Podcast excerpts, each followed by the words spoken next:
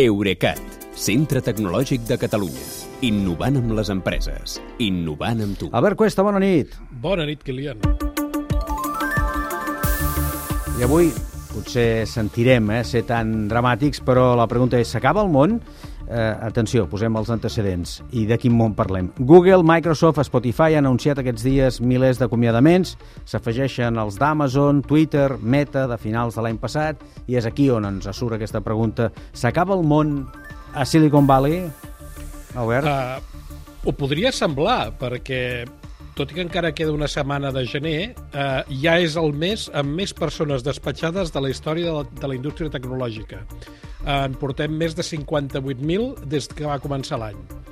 Uh, ara bé, uh, cal posar les xifres en perspectiva perquè no totes les empreses han acomiadat la meitat de la plantilla com va fer Twitter, ni tan sols la quarta part com va fer Booking, que per cert és europea, amb seu a Amsterdam, que no és Silicon Valley. Mm um, jo ho he estat mirant i jo he trobat gairebé 200 tecnològiques que estan enviant gent cap a casa, però és cert que cada cas és diferent. Uh, Fixem-nos només en quatre grans noms, començant per Apple, que no ha acomiadat ningú, malgrat que la seva plantilla ha crescut un 24% des de 2018.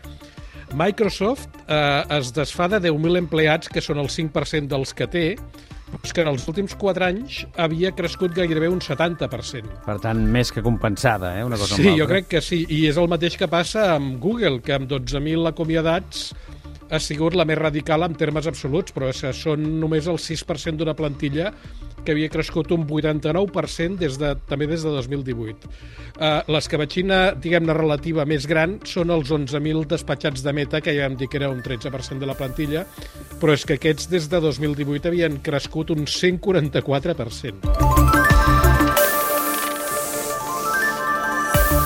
Podríem dir, per tant, d'alguna manera que les empreses estan rectificant excessos de contractació i posant una mica les coses al seu lloc.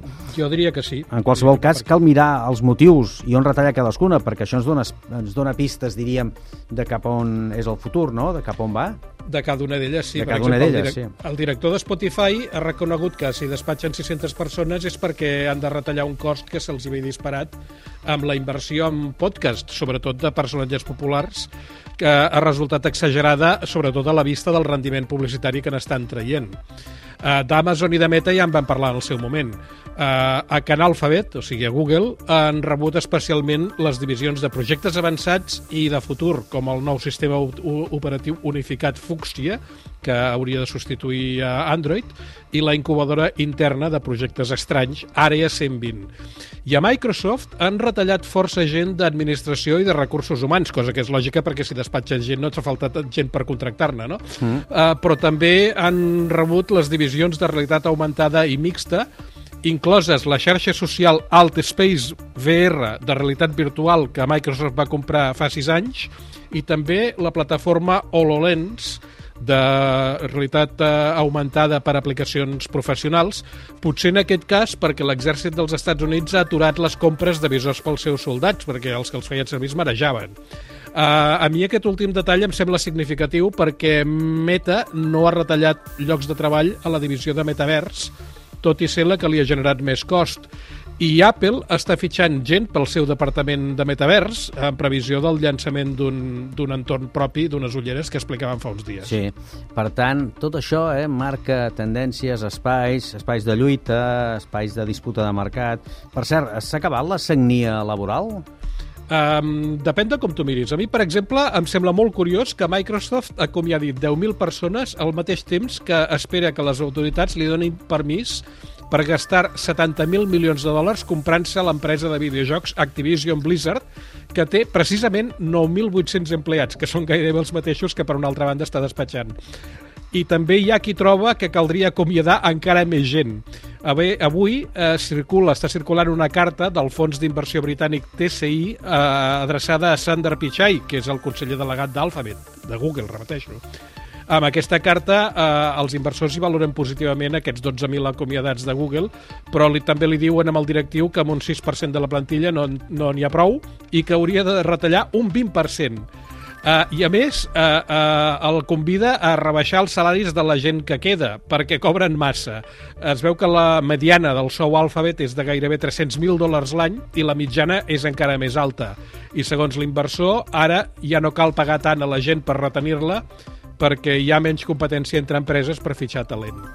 Uh, cal tenir present que aquesta TCI és un dels accionistes més importants d'Alphabet i tenen invertits més de 6.000 milions de dòlars i aquesta mena d'inversors tenen una gran capacitat per pressionar els directius per prendre decisions que potser no els vindria gaire de gust.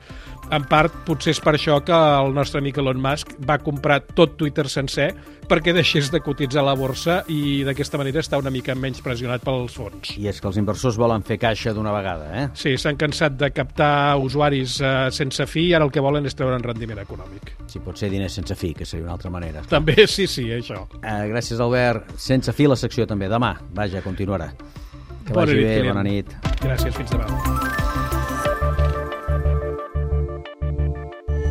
Eurecat, centre tecnològic de Catalunya.